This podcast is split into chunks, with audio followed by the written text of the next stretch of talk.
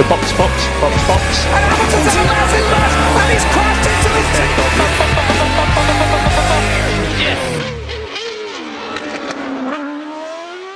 Herkese merhaba. Podstop Podcast'in formasyon turu serisinde her zaman olduğu gibi Halil, Deniz ve ben Burak sizlerle birlikteyiz.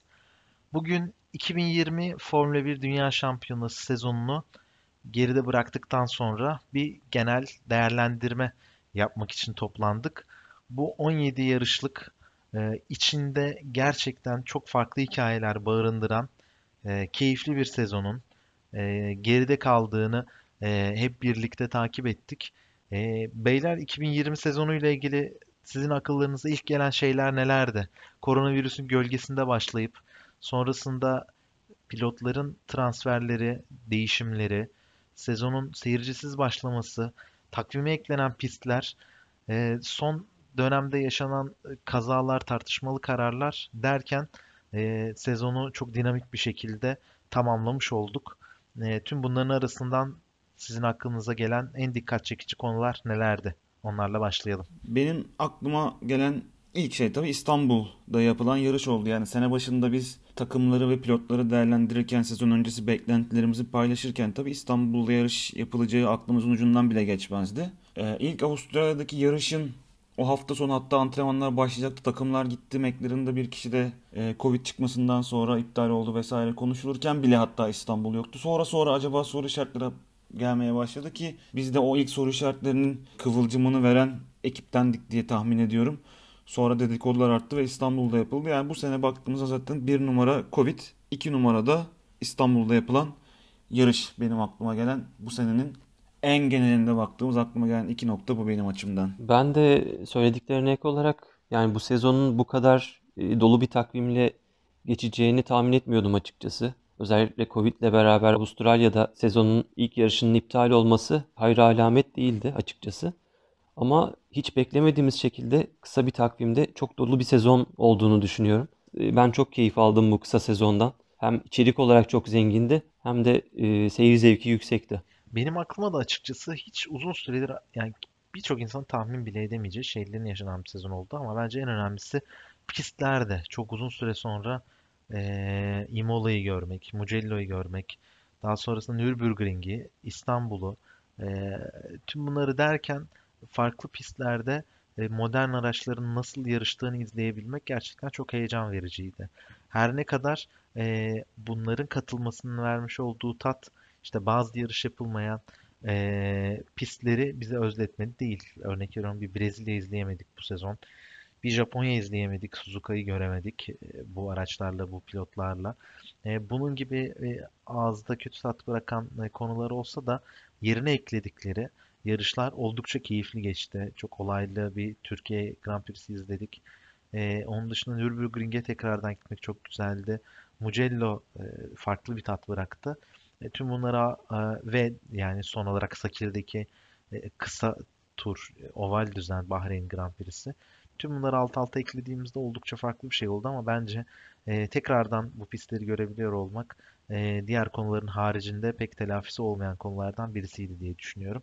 Bu anlamda gerçekten e, nevi şahsına münasır bir sezonu geride bırakmış olduk. E, biz bugün e, genel sezon değerlendirmesini takımlar sıralaması üzerinden yapmayı planlıyoruz. Onlarla birlikte bir değerlendirme yapacağız pilotlara ve yarışları mümkün olunca takım değerlendirmelerin içinden konuşacağız. E, ve isterseniz gridin son sırasıyla başlayalım. E, Williams, Mercedes e, uzun yıllar sonra e, bir sezonu puansız bir şekilde e, kapatmış oldu. E, biz de bildiğiniz gibi sezon başında bir sezon tahminleri yapmıştık ilk programlarımızda. E, burada e, her birimiz takımların sezon sonunda şampiyonada kaçıncı sırada olacakları ve sürücülerin hangisinin daha ön sırada yer alacağını söylemiştik. E, Williams'te hepimiz tulum çıkarttık. Herkes Williams 10. sırada olur ve George Russell daha önce daha önde bitirir dedi. E, tüm bunlara baktığımız zaman Deniz sen de başlayalım. Williams'ı nasıl değerlendiriyorsun 2020 sezonunda? Yani tabii önce tulum çıkardık da şöyle Russell sağ olsun Mercedes kurtardı Russell'da bu sene. Yoksa o da muhtemelen puan alamadan bitirecekti sezonu. Ama öyle olunca kazanmayacak mıydık ya yine? Evet aslında önde bitirmesinden dolayı kazanmış sayılabilirdik. Çünkü gerçekten sıralama turlarında vesaire ezici bir üstünlüğü vardı takım arkadaşına karşı Latifi'ye karşı. Sene başında tabii çok iddialı olmadığını tahmin ediyorduk ama 0 puan biraz e, iddialı oldu yani en azından çünkü biz şeyi beklerdik. Birçok yarı, pilotun yarış dışı kaldığı yarış oldu yani bu yarışlarda en azından ilk ona girmelerini beklerdik ama şöyle baktığımız zaman Latifi'nin en iyi derecesi 11. olduğunu gördük. E, Russell'ın da yine onun da en fazla 11. olduğunu görebildik Williams aracıyla. Ya bu sene tabii Russell ve Latifi'yi çok değerlendiremiyoruz çünkü araç gerçekten e, çok e, yeterli değil. Ama e, Russell'ı en azından Mercedes'te görüp e, potansiyeli olan bir pilot olduğunu görmek sevindirici oldu e, Williams tarafında. Tabii bu sene Williams deyince aklımıza gelen bir de takımın e, satılması ve başına yeni e, sahiplerinin geçiyor olması oldu. E, ama tabii değerlendirdiğimizde Williams'ı beklenen bir sonuç oldu. E, umarız seneye ve ondan sonraki senelerde daha rekabetçi bir araç verebilirler. Latifi'den çok umudumuz olmasa bile Russell'ın potansiyelli bir pilot olduğunu bilmek Williams tarafında sevindirici.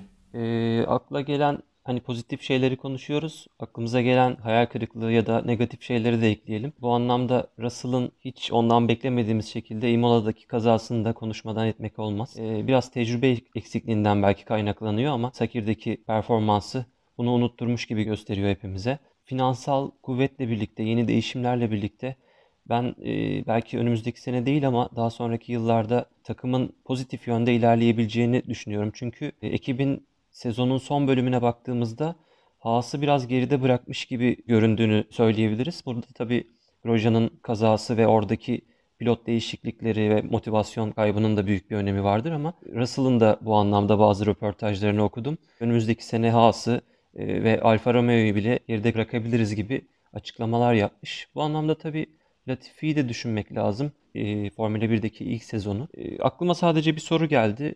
Acaba Russell'a gelen şans Latifi'ye verilse Mercedes koltuğunda ne yapabilirdi diye. Tabii Russell'la karşılaştırmak doğru olmaz ama belki podyum bile göremeyecek kadar henüz tecrübesiz bir pilot. Umarım önümüzdeki yıllarda biraz daha tecrübeyle e, kendisini üst sıralara taşıyabilir Williams'la birlikte. Ee, sezona e, Rocket sponsorluğunda başlamıştı Williams hatırlarsanız. Aslında ilk e, sıkıntıyı bu sponsoru daha yarışlar başlamadan kaybetmesiyle yaşadılar. E, bunu yaşarken de acaba ne gibi bir durumla karşılaşacaklar, nasıl ilerleyecekler diye düşünürken e, takımın e, ciddi anlamda finansal sorunlar yaşadığını görerek başladık sezona. E, daha iyi ne olabilirdi, nasıl ilerleyebilirdi şu an bunu tahmin etmek çok zor. E, fakat e, mümkün olduğunca sıralama turlarında özellikle temposunu zorlayan Russell izledik çok uzun süre. E, Q2'de kendini gösterdi. Bir süre hatta arka arkaya yarışlarda kendisini Q2'ye atmayı başardı. Belki şansı yaver gitse Q1'e bile çıkabilirdi. E, özellikle buraları zorlamaya başlaması bence 2019 sezonunda daha iyi bir Williams'ı izlettiğini söyleyebiliriz. Ee, 2019 sezonunda antrenmanlara bile yetişememişlerdi, aracı getirtememişlerdi. Bunun ciddi sıkıntısını yaşamışlardı. Bu sezon bu anlamda e, biraz daha olumlu bir şekilde ilerledi. E, ben de dikkat çeken bazı noktalardan e, bahsetmeye çalışacağım. George Russell bu sezon 4 kez yarış dışı kaldı. Bir kez de Mercedes'le yarıştı. Yani toplam 17 yarışın 5'inde e, Williams koltuğunda yarışı bitiremedi. E, takım arkadaşı Latifi 3 kez yarış, yarış dışı kaldı. E, Deniz senin de söylediğin gibi her iki pilotun da en iyi dereceleri 11. sıra olsa dahi e, Nicolas Latifi 3. kez 11. sırada yarışı bitirdi. Yani 3 kez puan barajının hemen altında kaldı. E, bu anlamda bakıldığında bu yarışlar hiçbir arka arkaya olan yarışlar olmasa dahi e, puana sanki e, yakın olan, yakın olmaya çalışan bir e, pilot görünümü vardı. George Russell'ın her ne kadar sıralama turları çok iyi olsa da yarış temposunda e, takım arkadaşının biraz daha gerisinde kaldığını söyleyebiliriz. Özellikle geçen yıl Kubica'yı e, neredeyse tüm yarışlarda geride bırakmış olmasına rağmen bu sezon öyle bir performans izleyemedik. E, en önemli noktalardan bir tanesi de tabii e, İtalya'dan itibaren yanlış hatırlamıyorsam e, Imola'dan itibaren de Frank Williams ve kızı Claire Williams'ın yani Williams ailesinin takımdaki yönetimden ayrılmaları sonucunda e, Darlington Capital adı altında Amerikan bir yatırım grubu ortaklığına takımın satılması oldu. e, takımın yeni sahipleri, yeni konsorsiyum Williams adını ve e, araçların şasi numarasını FW ile başlayan şasi numaralarını koruyacaklarını ve bu mirası devam ettireceklerini açıkladılar. E, bu anlamda birazcık da olsa e, o Williams ismini Formula 1'de görmeye devam edeceğiz ama o eski nostaljinin geride kaldığı bir Williams'ı 2021 sezonundan itibaren izlemeye başlayacağız diye düşünüyorum. Genel değerlendirmede sondan ikinci takımla devam edelim. Haas Ferrari ee, yine sezon başı tahminlerimizde aslında daha farklı yerde görmeyi bekliyorduk Haas'ı. Deniz ve ben 8. sırada bitirir demişiz ama Halil hem 9. sırada bitirir hem de yok sadece 9. sırada bitirir bilmişsin ya Halil. Magnussen hepimiz önde bitirir diye demişiz ama Grosjean 2 puan aldı. Magnussen 1 puan aldı. Hepimiz yanıldık bu noktada. Evet. Peki Haas'la ilgili düşünceler nedir? 2020 sezonu nasıl geçti? Halil bu sefer seninle devam edelim mi? Yani Haas'ın zaten bu şekilde bir sezon geçireceği belliydi. Takımın maddi bir desteği yok. istenen bir şekilde araç gelişimi konusunda da nötr bir şekilde devam ediyorlar. Önümüzdeki seneler için de muhtemelen bu belirsizlik bir süre sürecek. Gerçi yeni bir pilotları olacak. Onunla beraber finansal destek alabilirler. Daha sonraki zamanlarda bunları konuşmaya başlayacağız muhtemelen. Açıkçası Haas'la ilgili çok fazla bir yorumum yok. Yani hani Ferrari motoruyla da beraber zaten bu sene geride olmaları çok normal bir senaryoydu. Ve gridin sonunda sezonu tamamladılar. Sonuncu olmamaları bile iyi bir şeydi diyebiliriz onlar için. Deniz senin Haas'la ilgili planları neler, düşüncelerin? Ya çok paralel aslında Halil'le ama ciddi bir düşüşü var Haas'ın. Yani geçtiğimiz yıllarda dördüncülük savaşı veren bir takımın bir anda buraya düşmesi gerçekten çok üzücü. En azından Haas tarafından. Biz bu sene e, Grosjean ve Magnussen'le yarışacağını duyduğumuzda aslında şaşırmıştık. Çünkü bunu beklemiyorduk. Geçtiğimiz yıllarda vermiş olduğu pilot performanslarından sonra bu iki pilotun en azından bir tanesinin devam etmeyeceğini beklerken bu iki pilotla devam etmeleri aslında bizim için de bir sürpriz olmuştu.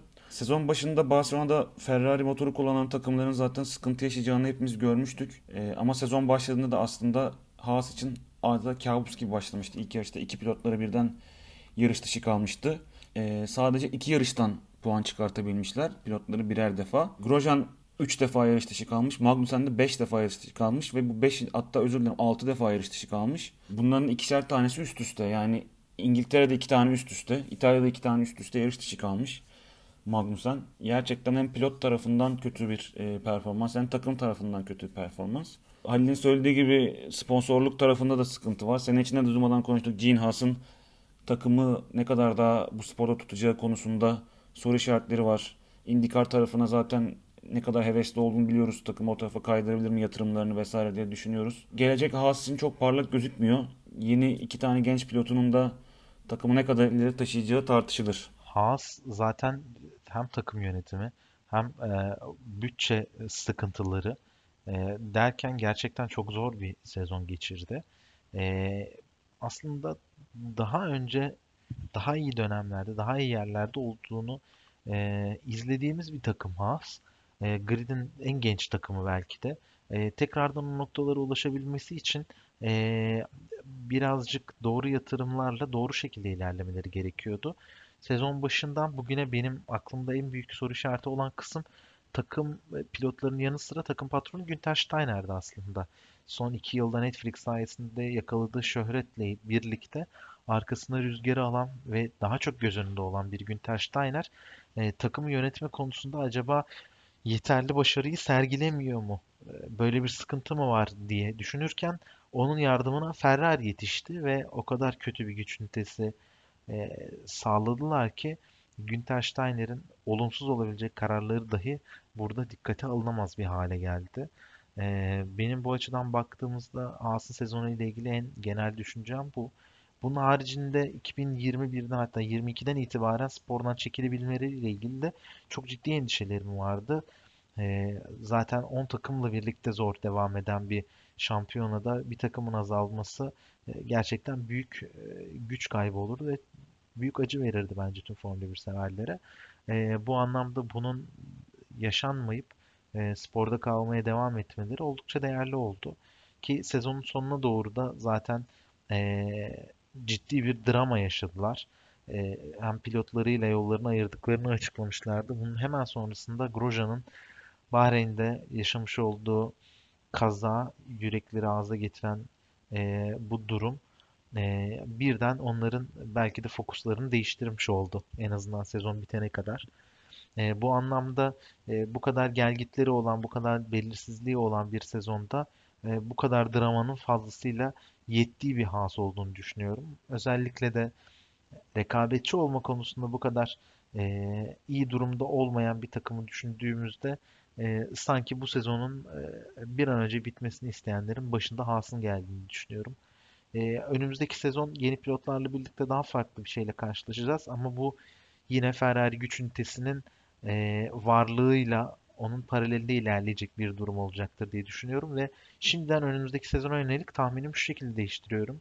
Eğer Ferrari güç ünitesinde doğru bileşenleri yakalayamazsa ve e, Haas takımı da e, geliştirme haklarını e, Günther Steiner'in ya yeteneği ve zekası ya da e, aptallığı ya da yapmış olduğu hatalardan dolayı e, vereceği kararlar doğrultusunda iyi noktada kullanamazsa e, ben gridin sonuna aday olabilecek en önemli takım olarak görüyorum Haas'ı.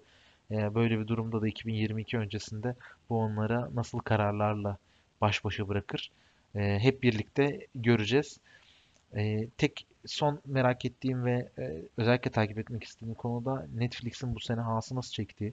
E, çünkü uzun süredir takımda birlikte olan iki pilotun ayrılışına özel bir bölüm yaptıklarını ve bunun biraz daha detaylı bir şekilde incelediklerini, özellikle Grosjean'ın kazası ve sonrasındaki konuları daha detaylı incelediklerini düşünüyorum. O bölümü de kesinlikle sabırsızlıkla bekliyorum diyorum. Grid'in sondan 3. takımı ve toplamda baştan da 8. takımı diyelim. Alfa Romeo Racing Orlen'le devam edelim. Deniz bu sefer sen de başlayalım. Alfa Romeo'da 2020 nasıl geçti?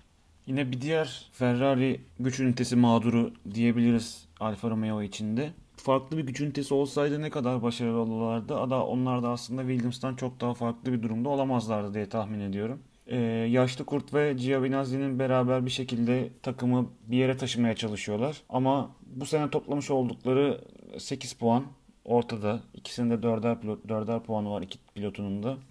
Beklentinin neresinde diye düşünürsek belki de üstünde kaldılar. Çünkü biz sezon başında bu değerlendirmeleri yaparken 9. sırada ya da 8. sırada bitirecek demiştik takım için. Zaten yine oralarda bitirdiler. E, sevindirici nokta e, Raikkonen'in sadece bir kere yarışı tamamlayamamış olması. Giovin, Giovinazzi'nin de 3 tane e, yarış dışı kaldığı yarış var.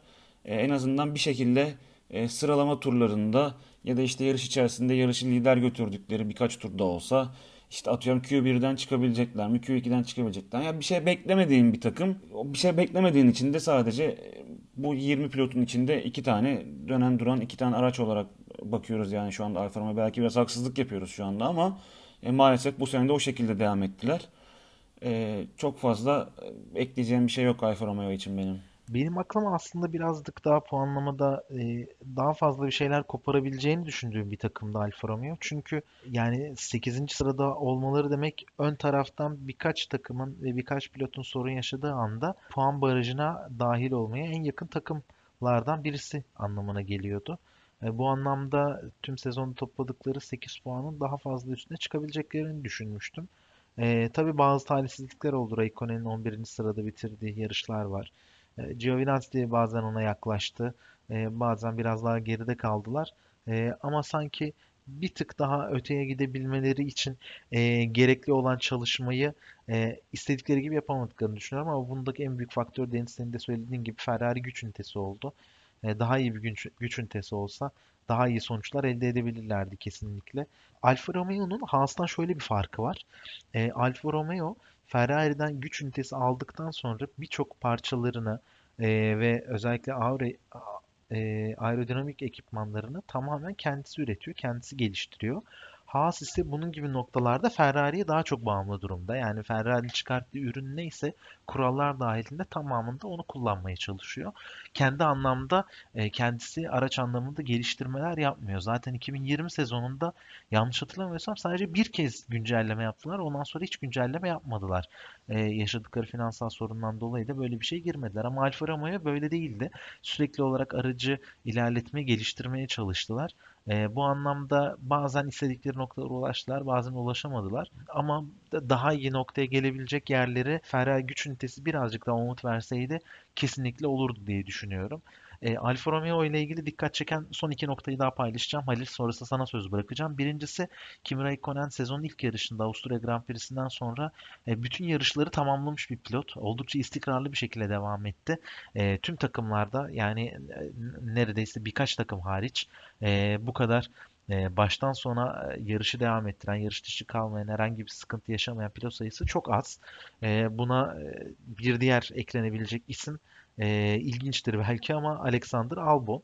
E, o da tek bir yarışı e, sadece yarış dışı kaldı. Sonralarını tamamını bitirdi.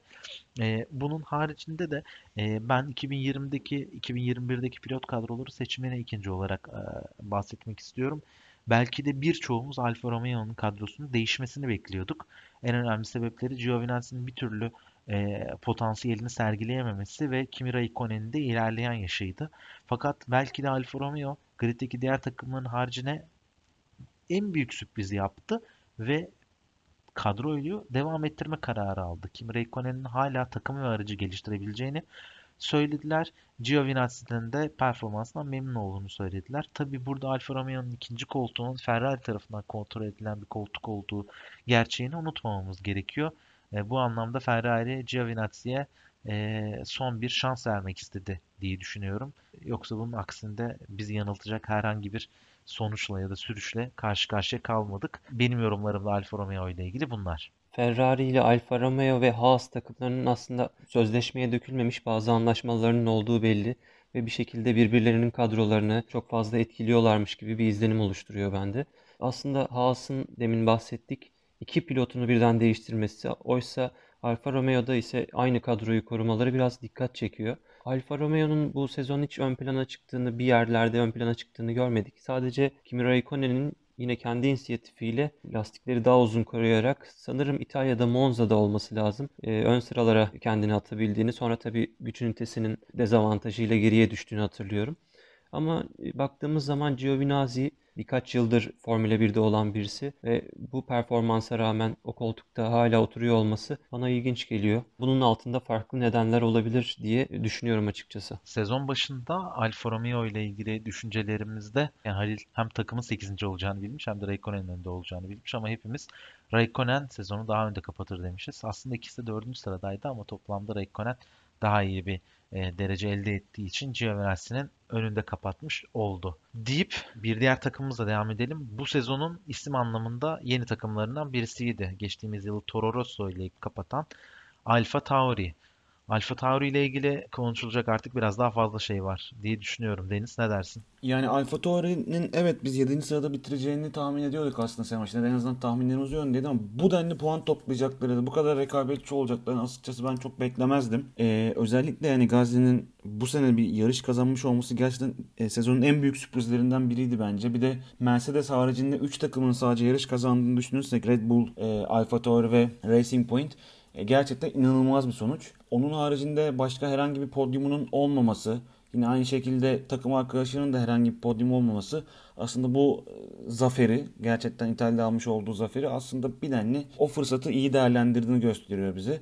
Toplamış oldukları yaklaşık 107 puan var takım olarak ve bu 107 puanın 75 e, puanını Gazi topladı. Geçen sene de aslında takımla özellikle sinerjisinin tuttuğunu göstermişti. Bu sene de aslında beklentilerimiz ondan büyüktü ama gerçekten topladığı 75 puan e, bence sürpriz oldu. Benim açımdan sürpriz oldu. Bu denli puan toplayacağını açıkçası ben çok fazla beklemiyordum.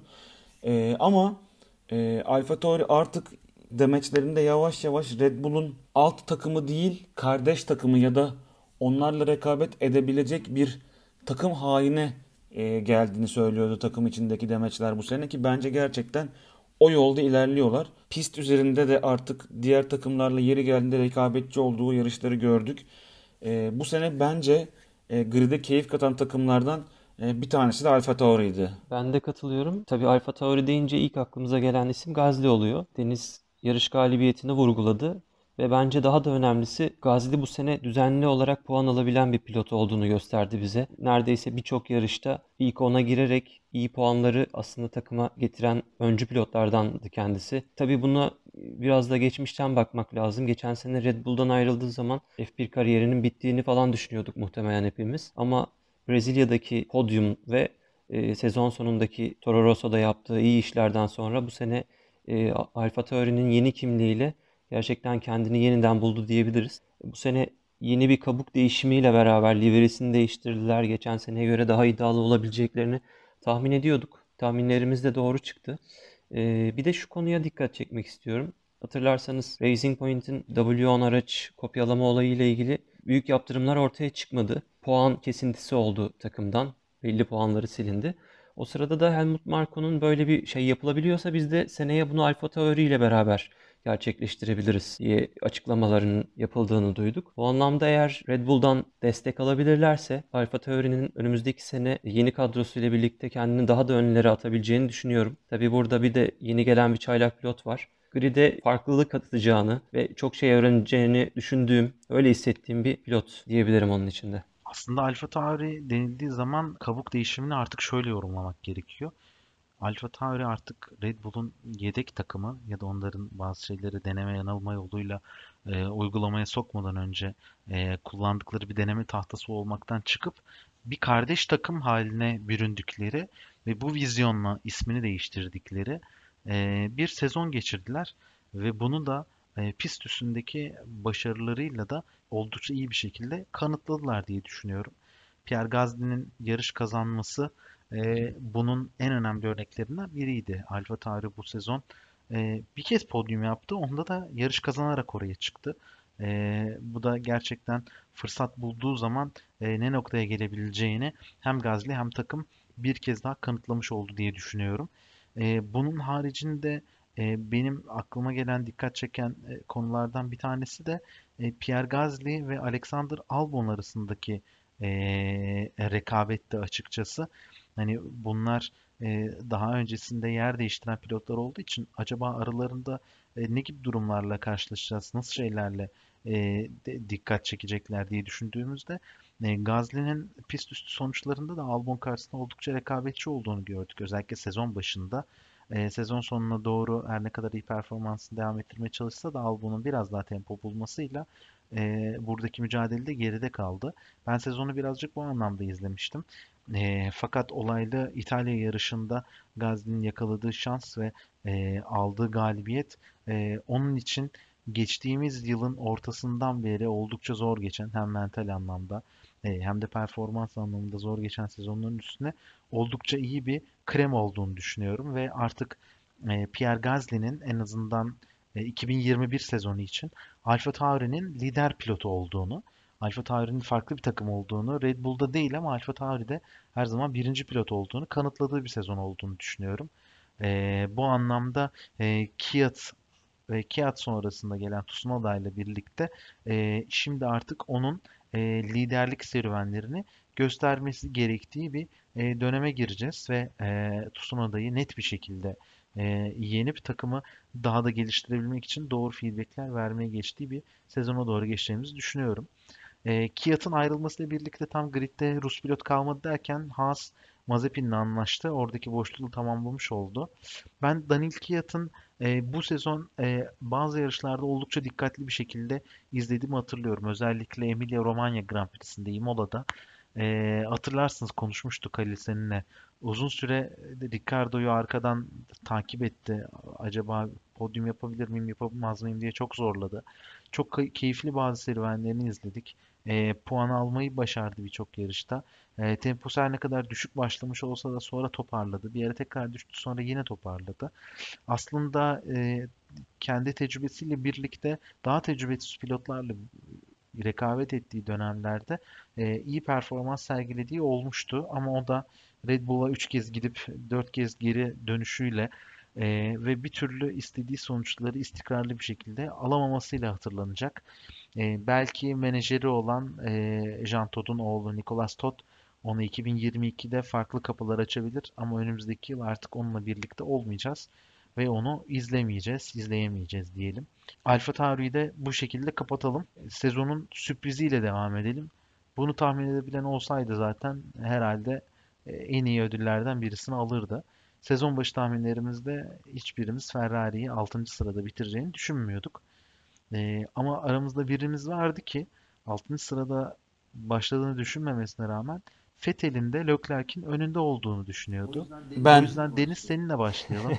Bu inanılmaz yorumlarınla birlikte sanırım Ferrari'yi en iyi sen yorumlarsın diye düşünüyoruz. ya şimdi böyle beni biraz kırdın. Neden kırdın? Gerçekten ama gerçekten bu yani çok bariz değildi abi Leclerc'in Vettel'i geçebileceği bence. Ya ben çok iyi hatırlıyorum. Sene başında biz bunu konuşurken e, kim daha önde bitirir diye. Dedim ki yani Vettel geçtiğimiz yıllardaki hep bir ucundan kaçırdığı başarı, başarısızlığı diyeyim ya da başı yakalayamadığı başarıyı hani bu şek bu sene bir şekilde elde eder açıkçası diye bekliyordum. Ve sene başında yanlış hatırlamıyorsam zaten artık bir sonraki sene e, Ferrari ile beraber olmayacağı için bunun da bir hata olabileceğini kanıtlayabileceğini düşünüp de aslında iyi puan toplayacağını düşündüm. Ama iyi araç vermediler adama. Verselerdi geçerdi. Doğru söylüyorsun valla. Verselerdi geçerdi. Şaka bir yana gerçekten aslında biz yani e, Ferrari'nin bu kadar geride kalabileceğini gerçekten e, tahmin etmek çok kolay değildi. Evet e, araçlarının çok güçlü, motorun çok güçlü olmadığını biliyorduk belki ama bu kadar geride kalacaklarını çok tahmin etmiyorduk açıkçası. Sene başladığında ilk yarışta da Avusturya'da e, Leclerc ikinci olduğunda ha evet araç motoru çok kuvvetli olmasa bile fırsat çıktığında bir şekilde podyum yakalayacaklarını ve yukarıda bitirebileceklerini tahmin ediyorduk. E, ilk yarışta Vettel 10. olmuştu ama hatta bu yarışta da Sainz'la bir temasları olmuştu ve ya işte seneye bu pilot koltuk değişikliklerinden dolayı aralarında bir rekabet var vesaire demiştik. Onu da vurgulamıştık yani ilk yarış sonrasında. Ama dediğim gibi yani bir şekilde biz bir fırsat çıkması halinde e, Ferrari pilotlarının podyum yapabileceğini çokça düşünüyorduk. Ama beklediğimiz gibi olmadı. E, Leclerc sadece iki kere podyum yapabildi. O da senenin başındaki ilk dört yarış içindeydi. Vettel de sadece İstanbul'da e, podyum yapabildi ki onun haricinde zaten çok istikrarsız bir görüntüsü vardı Vettel'in. E, genelde yani Halil az önce çok güzel bir cümle kullandı e, Gazli için. Puan alabilecek e, bir pilot olduğunu yani her yarışta puan barajında olabilecek bir pilot olduğunu kanıtladı demişti. Vettel de aksine yani birçok yarışta ya bu yarış puan alır mı alamaz mı diye e, düşünme, düşündüğümüz bir sezon geçirdi. Hatta e, birçok sıralama e, yarı turunda da e, Q2'de elendi. E, Hani ne olacak işte Ferrari'nin durumu, Vettel'in durumu diye bizi sorgulattı aslında. Leclerc e, sezonun ortasından böyle bir 6-7 yarış üst üste puan çıkarmayı başardı aslında ama hepsi 7-8. falan oldu. İstikrarlı bir dönemdi onun için aslında. E, ama yani aracın ne kadar kötü olduğunu düzlüklerde sezon boyunca gördük. Yani araç gerçekten düzlüklerde boğulmaya başladı bir yerde. Yani hep yüzlük başlarında bir şekilde ileri atabiliyorduk yani ama düzlük sonuna geldiğinde aracın gerçekten boğulduğunu birçok diğer takımın e, Ferrari ne kadar kolay geçtiğini zaten görmüş olduk. Geçen seneki araçla yarışsalar bu sene belki gerçekten ilk 3 ya da 4. olabilirlerdi takım sıralamalarında. Bu kadar iyi bir aracı geçen senenin düzlüklerinin en hızlı olan aracını alıp buraya nasıl getirmişler gerçekten o da büyük bir soru işareti yani izleyenler tarafında. Bunu başaranlar da muhtemelen bu soru işaretinin cevabını bulamıyorlardır. Beklemediğimiz bir sezon geçirdi. Ben e, özellikle bir Ferrari taraftarı olarak e, sezonu izlerken e, üzüldüğümü söyleyebilirim. Ama yani gelecek için en azından e, Sainz'la Leclerc'in önümüzdeki sene olmasa bile 2022'de başarılı bir sezon geçireceğini en azından bu son dönemde yapmış oldukları iyileştirmeler ve en azından hatanın nerede olduğunu e, bulduklarını bize yavaş yavaş göstermeye başlamışlardı. Umarım dediğimiz gibi önümüzdeki senelerde toparlarlar. Çünkü Formula 1'in de aslında Ferrari'nin bu rekabetçi haline ihtiyacı var. 2020 sezonu Ferrari için söylediğim gibi çok zorlu geçti. Özellikle ben 2020 sezonunun resmini 2019 Amerika Grand Prix'sinde çekmenin daha doğru olacağını düşünüyorum. Çünkü Amerika'daki yarıştan önce e, gelen direktifler doğrultusunda Ferrari ciddi bir motor gücü kaybıyla sezona başladı. E, sezonu daha doğrusu öyle bitirdi ve sonrasında sezona da bu şekilde başlamaya e, hazırlandı. Barcelona testlerinde takım oldukça yavaş görünüyordu ve herkes bir önceki yıl özellikle Ferrari takımının hep ilk sıralarda yer almasından dolayı bunu bir hata olarak görüp beklentiyi doğru yönetmek adına Mattia Binotto'nun güç sakladığını ve bunu bundan özellikle e, bazı komponentleri aracı dahil etmeyerek kimseye göstermek istediğini istemediğini daha doğrusu bir taktik yaptığını düşündü ama Binotto e, gerçekten gerçekçi bir e, takım patronu. E, vaatlerde bulunarak kendini promosyon yapmayı düşünmüyor. Belki birçok konuda eleştirilebilir ama bu konuda oldukça takdir edilesi birisi. E, ve dedi ki hiçbir güç saklamıyoruz. Gerçekten aracımızın performansı bu dedi. Ve hakikaten de öyle çıktı. Yani daha fazla gidecek bir yeri yokmuş zaten aracın. E, bu şekilde gördüğümüzde acaba e, neyle karşılaşacağız? Nasıl bir sezon izleyeceğiz diye düşündük. E, ilk yarışta e, Charles Leclerc'in podyumu e, ya herhalde hala bazı şeyleri iyi gidecek gibi fena olmayan durumlar var dedirtti. Fakat daha sonrasında başlayan düşüş gerçekten bir türlü toparlanamayacak bir hal aldı. Özellikle İngiltere Grand Prix'sinde, Britanya Grand Prix'sinde gelen ikinci podyum ilk dört yarışta iki podyum alan Leclerc ve Ferrari hala e, yarışa dahil olabilir diye düşünüyorduk. Sonrasında uzun süre kimseden ses soluk çıkmadı. E, Charles Leclerc'in bireysel anlamda kariyerin zaten kısa olan kariyerinin ama en iyi sezonunu geçirdiğini düşünüyorum. Araçtan maksimum alma konusunda gerçekten bir ders verdi. Henüz 2 yıllık 3. E, sezonunu Formula 1'de yarışan bir pilot için bu kadarı olmaz denilen her şeyi başardı. Öte yandan Sebastian Vettel çok dalgalı performans sergiledi uzun süre puan barajının dışında kaldı ya da tam ucunda kaldı. Sezonun ikinci yarısında özellikle Leclerc'le arasındaki e, takım içi liderlikte net olarak kaybettiği anlaşıldığından sonra ve onun da bunu anladıktan, kabullendikten sonra performansında ciddi düşüşler yaşandı. Ama buna rağmen geçen seneki Almanya'da olduğu gibi bu yılda Türkiye'de İstanbul'da çok sürpriz bir podyumla Ferrari'ye veda etmiş oldu. Geçtiğimiz gün Ferrari'deki son günlerini anlatan bir röportajını izlemiştim. Orada e, şunu söyledi. E, Ferrari ile yollarımızı ayırıyor, ayırıyor olabiliriz ama şu an için hala Ferrari'nin son yarış kazanan ve son podyuma çıkan pilotuyum dedi. Sonra düşündüm yani değildir herhalde ya. Leclerc de o kadar kazandı dedim. Hakikaten öyleymiş. 2019 Singapur kazanmıştı. Ee, en sonunda Türkiye'de podyum yaptı. Ee, dolayısıyla Ferrari'nin e, başarılarının son kısmında hala ismini e, konuşturan bir pilot olarak takıma veda ediyor. E, önümüzdeki sezon birlikte yarışacağı Carlos Sainz'la bu yıl oldukça çetin mücadelelere girdi Charles Leclerc. Ee, bakalım önümüzdeki yıl aracın gelişimiyle bunlardan da bir fayda çıkartabilecek mi? Ee, Ferrari'yi önümüzdeki sezon e, şu anki olduğu yerden e, daha iyi bir yerde izleyeceğimizden eminim ama çok daha iyi bir yerde olacaklarını hiç ama hiç düşünmüyorum. Zaten bununla ilgili takım patronunun da iç açıcı fikirleri yok. En azından e, önümüzdeki sezonun bundan daha iyi geçmesi gerektiğini düşünüyorum ben de. Çünkü bu bir şekilde 2022'ye bir gösterge olmalı. Bir süredir takımın başında olan Binotto'nun da belli bir kredisinin olduğunu ve bir yerde artık onun da fişinin çekilebileceğini düşünüyorum. Baktığımız zaman takımın zaten hem operasyon anlamında hem de yönetimsel açıdan problemlerinin olduğunu görüyoruz. Burada sadece pilot koltuğunda oturan değil, baştan sona herkesin üzerinde çok büyük bir baskı var. Ve bu baskıyla beraber de zaman zaman basın önünde belki de basın açıklamalarıyla beraber olmaması gereken şekilde birbirlerine laf dalaşına girdiklerini görebiliyoruz. Fethel'in bu sezonunu düşündüğümüz zaman Binotto'yla ve diğer kişilerle birlikte. Bir yandan da tabii Leclerc'in bu yılki baskıya, bu yılki araca rağmen gerçekten çok iyi işler yaptığını e, altını ben de çizmek isterim. Otomobili 3 sefer ikinci çizgiye kadar çıkarttı. Yani bu araçla bunları yapabilecek birisinin gerçekten çok büyük özel yeteneklerinin olduğunu hepimiz hemfikiriz herhalde. Takımın geleceğini Lökler'in üzerine kurduğunu söyleyebiliriz. Umarım e, geçtiğimiz günlerde Science kırmızı tulumları ilk defa giyip fabrikaya gitti ve e, koltuk ayarlarını yaptılar. En azından bir temenniyle bitireyim sözümü. Science'ın geleceği de Fethel'inki gibi hüsran bir hikayeyle son bulmaz diyeyim. Ya tam aslında o noktayla ilgili bir şey eklemek istiyorum. Şimdi Mattia Binotto'nun hem söylediklerini söyledin sen de bahsettin. Hem de Sainz'dan bahsettin. Yani şimdi Sainz'ın takımdaki ilk günü ve gelmişler takım arkadaşıyla birlikte bir basın toplantısı yapıyor ve basın net bir şekilde şu soruyu soruyor. Yani İtalyan basın zaten bunu çok sever. Dediler ki yani Mick Schumacher'i ne zaman Ferrari'de göreceğiz? Bununla ilgili beklentiniz var mı dedi. Ya Binotto hakikaten o kadar realist bir insan ki e, insan yönetimi konusunda ciddi sorunlar yaşıyor.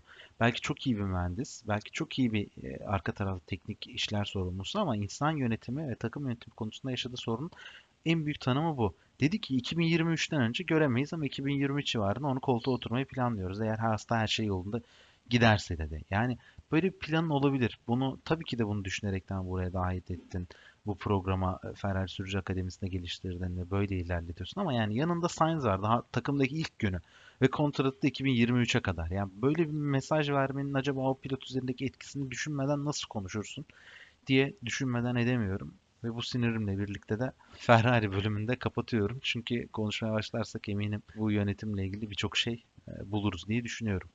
Deyip Renault ile devam edelim. Renault sezonu 5. sırada bitirdi. Bir ara 3.lüğe çıkabilme kadar çıkabilmeye çok yaklaştı. Oraya gidebileceğini düşünmüştük. Biz de takım tahminlerimizde Deniz hariç Halil ve ben 5. sırada bitirir dedik. Fakat Halil ve Deniz de Ricardo daha önde bitirir dediler. Ben o konu daha önde görüyordum. Ben orada büyük bir hüsrana uğradım. Ee, ama açıkçası Renault da bize 2020 sezonunda özellikle ikinci yarısında e, herkesi şaşırtan performanslar sergiledi. E, sürpriz podyumlar gördük. Ricardo iki kez podyuma çıktı. Ocon bir kez podyuma çıktı. Sezonun ikinci yarısı onlar için çok daha iyi geçti. İstisnasız belki de araca getirdikleri bütün güncellemeler çalıştı ve aracı daha hızlı bir noktaya getirdi. Şu an Mercedes'le birlikte motor gücü anlamında da belki griddeki en iyi iki takımdan bir tanesi durumuna geldi. E, bu anlamda Renault'u da bu yıl son kez izledik. Önümüzdeki sene Alpine ismiyle devam edecek. 2020 sezonunda Renault sizler için nasıl geçti? Halil senle başlayalım bu sefer. Tabii ki. Ben pilotlar üzerinden biraz bahsetmek istiyorum. Yılın özellikle ilk bölümünde Ocon, Ricardo'nun epey gerisinde kaldı. Düşündüğümüz zaman Ocon'u aslında daha rekabetçi ve daha tek turda da hızlı bir pilot olarak biz izlemeyi bekliyorduk. Ama demek ki bir sene ara vermiş olmak biraz el soğukluğu deniyor ya onların dezavantajını yaşadı. Fakat sezonla tamamına baktığımızda Ricardo sezonu 119 puanla 5. bitirdi. Ocon da 62 puanla 12. sıraya kadar e, tırmanabildi sadece. Yine de Ocon hani son yarışlarda özellikle tek turda iyi performans göstermeye başladı. Önümüzdeki sene için daha iyi sinyaller sezdim. Özellikle de son yarışlardaki o podyumuyla beraber hem de özgüvenini tekrar yakaladığını düşünüyorum. Ricardo bence o da iyi bir sezon geçirdi. Hatta hiç beklenmedik şekilde iki tane podyumun da sahibi oldu kendisi. E, bu araçla podyum yapması normal şartlarda çok fazla beklenmiyordu. Öyle ki takım patronuyla da komik bir iddiaları var biliyorsunuz. Olayı ben şöyle bir soruyla da bağlamış olayım hem de gelecek seneye bir göz kırpmış olalım. Biliyorsunuz önümüzdeki sene de Alonso Ricardo'nun yerine gelecek. Alonso F1'den uzak olduğu dönemde farklı serilerde Le Mans 24 saatte yarıştı. Indy 500'de ve Dakar Rally'sinde geçen yıl boy gösterdi. E, F1'e tekrar eski şampiyonluk yıllarındaki takımıyla beraber dönüş yapacak. Sizce Alonso da yine o konudaki gibi bir el soğukluğu durumu görebilir miyiz? Bunu e, tabii düşünürken sadece Alonso'nun ne kadar e, saf hıza sahip olduğunu biliyoruz. E, ancak yaşını da göz önünde bulundurarak bu konu hakkında siz neler düşünüyorsunuz? Muhakkak bir el soğukluğu yaşayacaktır. Ama ben hani bu tecrübesinden dolayı Akon'a göre tecrübesi çok daha fazla olduğu için bu dezavantajı çok çabuk e, ben atlatacağını düşünüyorum. E, sorduklarında hani Şimaer de bir süre bıraktıktan sonra geldi ve o istediği başarıyı yakalayamadı. Siz yakalayabilecek misiniz diye sorduğunda evet çünkü ben ondan daha iyi pilotum gibi demeç verebilecekti aslında kendine güvenen bir pilot Alonso. Tabii bunu seneye göreceğiz ama hani Alonso'nun bireysel yeteneğinin haricinde çok fazla parametre var. Bir pilotun başarılı olabilmesi ve rekabetçi olabilmesi için. Ee, Renault'un bu seneki performansını devam ettirmesi durumunda özellikle sezonun ikinci yarısındaki performansını devam ettirebilmesi durumunda Alonso'nun ben e, rekabetçi olabileceğini düşünüyorum. E, deyip ben de yorumlarımdan bahsedeyim. Bu sene benim için iki tane flash pilot vardı. Yani flash pilotlarımın iki tane çok gerçekten beni şaşırtan e, pilot vardı. Bunlardan bir tanesi Ricardo, diğeri de Perez'di. Sıra geldiğinde Perez'den de bahsedeceğim. E, Ricardo'ya baktığımızda son 11 yarıştan puan e, aldığını görüyoruz. Bir şekilde puan barajının içinde olduğunu görüyoruz. Bu sezon sadece 3 tane yarıştan e, puan alamadı. Onun haricinde 14 yarıştan puan çıkarmayı başardı. Bence muazzam bir e, sonuç ve bunların iki tanesine de e, podyum ekledi. Ama tabii sizin de söylediğiniz gibi Halil Ocon'un e, daha iyi olacağını düşünen arkadaşlar vardı aramızda ama e, beklenen gibi olmadı. E, destek veremedi Renault'a. Puan tarafında gerçi 62 puan topladı ama e, bir tık daha iyi bir sonuç elde edebilseydi belki gerçekten Renault e, markalar sıralamasında kendini bir pozisyon daha üstte bulabilirdi. Ama yaptıkları hata, hata demeyelim onu ama e, yeterli hıza ya da yeterli güce gücü yakalayamadıkları noktayı çok çabuk fark ettiler ve e, sezonun ikinci yarısında en azından Ricardo'ya o istediği aracı, e, istediği hızı ben verdiklerini düşünüyorum. E, o yüzden bence e, Ricardo da geçen seneki o nispeten başarısızlıktan sonra güzel bir sene geçirdi. E, bence yani bu sene e, Renault başarılı bir sezon geçirdi diyebiliriz bence. Aslında araç güncellemeleri onların e, ne kadar doğru yolda 21'e aktarıp 2022 aracın tasarımına da e, aynı mentaliteyi aktarabilirlerse 2022'deki büyük kural değişikliklerinden sonra e, oldukça rekabetçi bir hale gelebileceklerini aslında gösterdiler. E, bu anlamda ben onlar için sezonun e, iyi geçtiğini fakat çok daha iyi olabilecekken 5. sırada kalmalarının e, bir tat böyle ağızda kötü bir hissiyat bıraktığını düşünüyorum. Ben ilginç bir şeyle e, istatistik vererek bu konuyu bağlamak istiyorum. Söylediğiniz gibi Ricardo net bir şekilde aslında Esteban Ocon'un önündeydi ama e, Ocon biraz daha e, göz önünde olmayı sevmeyen ya da e, ara verdikten sonra tekrarında Formula 1'e ve araca alışmasında zaman e, harcayan bir pilot olduğu için e, yarısından sonra e, sezonun yarısından sonra tekrardan ön sıralara çıkması biraz daha dikkat çekici oldu. Ama şöyle bir enteresan bir istatistik var. Sezon boyunca yarışan pilotlar arasında e, hani Aitken, Hülkenberg ve Fittipaldi'yi dışarıda bırakıyorum. En az pit stop yapan isim Esteban Ocon'du. 17 yarışta 20 adet pit stop yapmış. Şimdi ortalama bir takımın bir pilotun sezon boyunca yaptığı pit stop sayısı 2020 sezonunda 27.3. Yani takım arkadaşlarından ve rakiplerinden 7 pit stop daha az yaparak sezonu bitirmiş. Bu ne anlama geliyor? Ortalama pit stop'a sadece pit stop alanı değil, e, pit alanına giriş çıkışın 23-24 saniye olduğu tüm sezonda düşünülürse e, 7 pit stop az yapması aslında bir 140 saniye civarında ona bir zaman kazandırmış. E, dolayısıyla sezonun ikinci yarısında da yine bu stratejiyle tek pit stopla bitirdiği ve podyuma çıktığı bir e, Sakir'i düşündüğümüz zaman e, bu tarz stratejilerin çok ciddi anlamda e, ona pozitif e, bir etki yarattığını görüyoruz ve özellikle genç pilotların bu anlamda strateji yaparak kendilerini ön sıra at, ön sıralara atmalarına çok fazla dikkat etmiyoruz. Ben o anlamda Esteban Ocon'un bu sene istediğini veremese dahi e, önümüzdeki dönemlerde, önümüzdeki yıllarda e, Alonso tecrübesiyle birlikte daha rekabetçi bir duruma geleceğini düşünüyorum. Ve böylece Renault ile birlikte sezon sonu değerlendirmemizin birinci bölümünü noktalamış oluyoruz. İlk bölümde gridin son sırasından başlayarak takımları konuşmaya başladık. Bir sonraki bölümümüzde Racing Point, McLaren, Red Bull ve Mercedes ile genel sezon değerlendirmemizi bitirmiş olacağız. Bir sonraki bölümde görüşmek üzere. Hoşçakalın. Hoşçakalın. Hoşçakalın.